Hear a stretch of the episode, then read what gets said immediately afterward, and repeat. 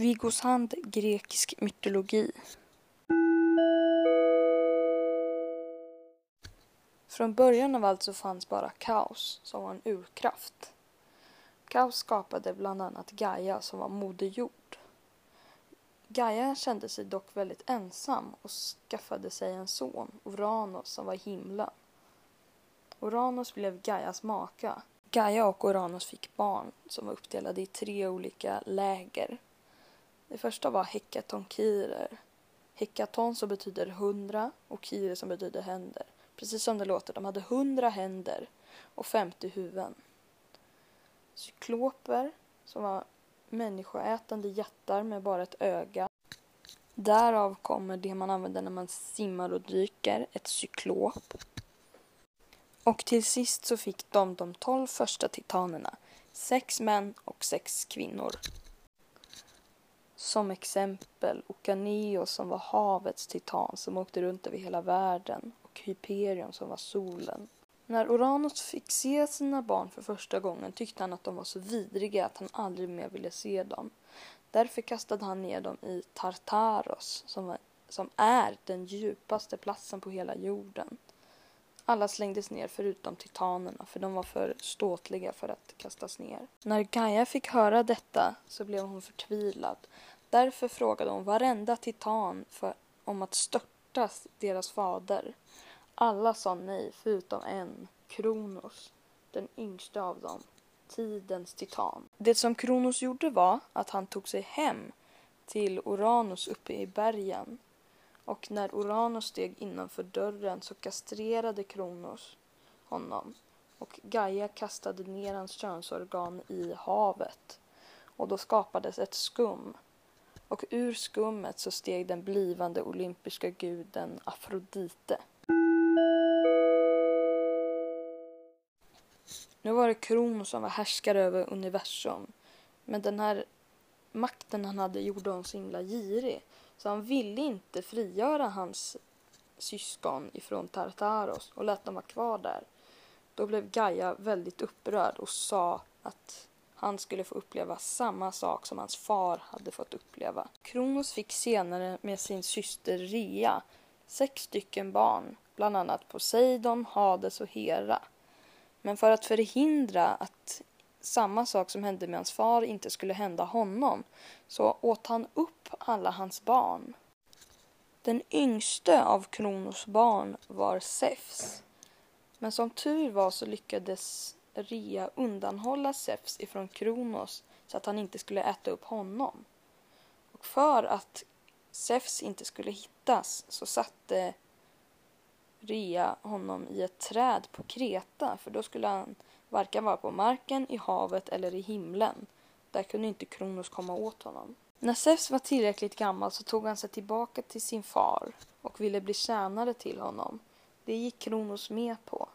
En dag när Zeus skulle servera mat och vin så hade han en giftig växt i maten som gjorde att han spydde upp alla sina barn. Direkt efter att Zeus hade befriat sina syskon så befriade även Zeus hekatonkirerna och cykloperna.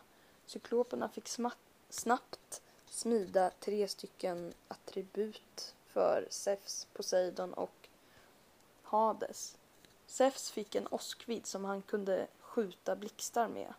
Poseidon fick en treudd som han kunde kasta som, som ett spjut och så skulle det komma tillbaka. Och Hades fick en hjälm som gjorde att han blev osynlig. Alla dessa tre är kända kännetecken för de tre. Sedan så skapade de tre bröderna en plan. Den fungerade så att Hades skulle bli osynlig och ta sig upp bakom Kronos och ta hans lie. Samtidigt då så skulle Poseidon hota Kronos med sin treudd och då skulle Zeus ta sig bakom Kronos och ta sin åskvid genom hans huvud. Då dog han. Under tiden som de tre bröderna hade besegrat Kronos så hade hekatonkirerna och cykloperna besegrat de andra titanerna.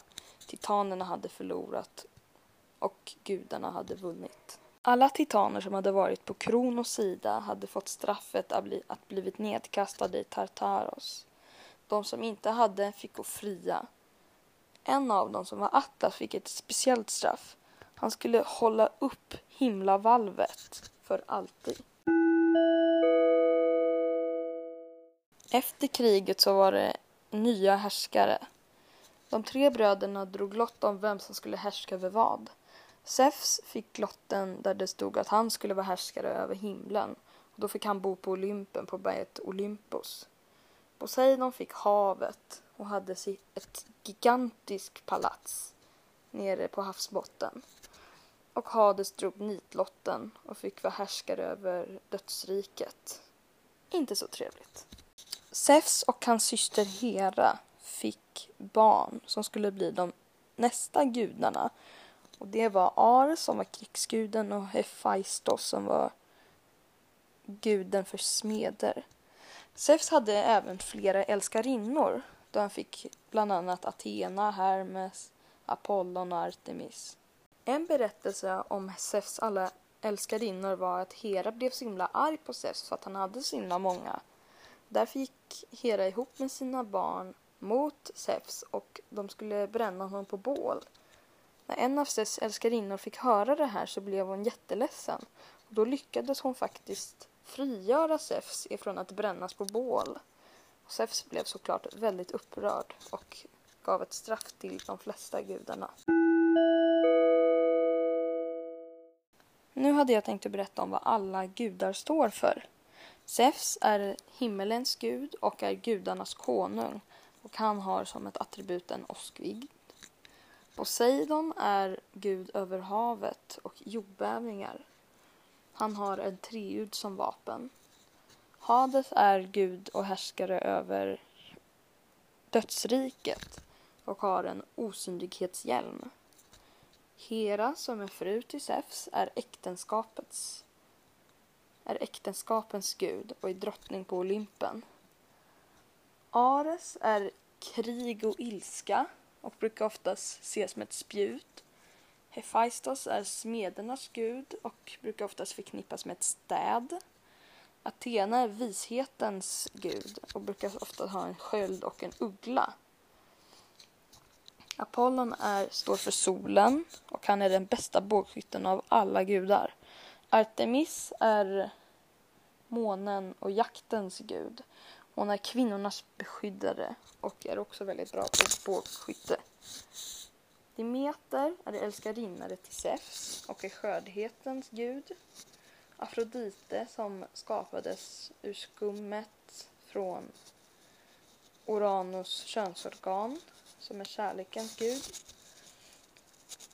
Och Hermes som är gudarnas budbärare. Och han brukar ofta ha en häroldstav som man brukar se på sjukhusloggor med en orm och någon typ av korsliknande sak. Dessa gudar som jag nämnde nu var bara olympiska gudar. Men det finns även andra gudar som till exempel Persefone som är dotter till Demeter som blev lurad av Hades att äta ett granatäpple. Men det visade sig att om hon gjorde det så skulle hon vara tvungen att bo i dödsriket och bli fru till Hades. En annan gud som inte var en olympisk gud var Pan som är hedarnas och naturens gud. Han var en satyr vilket betyder hälften människa och hälften get. Eller häst. Andra typer av väsen inom grekisk mytologi är bland annat kentaurer som är hälften eh, bock och människa tror jag. Sedan så finns det även halvgudar och då är det alltså en olympisk gud och en människa som har gjort ett barn. Exempel på halvgudar är Herakles som försökte bli en olympisk gud när han fick reda på att han var son till Zeus. En annan är Perseus som eh, son till eh, Poseidon och han tog Medusas huvud som var fullt med ormar och om man tittade henne i ögonen så skulle man förstelna. Atlas som var titanen som fick straffet att hålla upp himlavalvet ville att Perseus skulle visa huvudet för honom så att han inte skulle behöva lida. Detta utförde Perseus. Tack så mycket för att du lyssnade antar jag, även om det inte var så bra.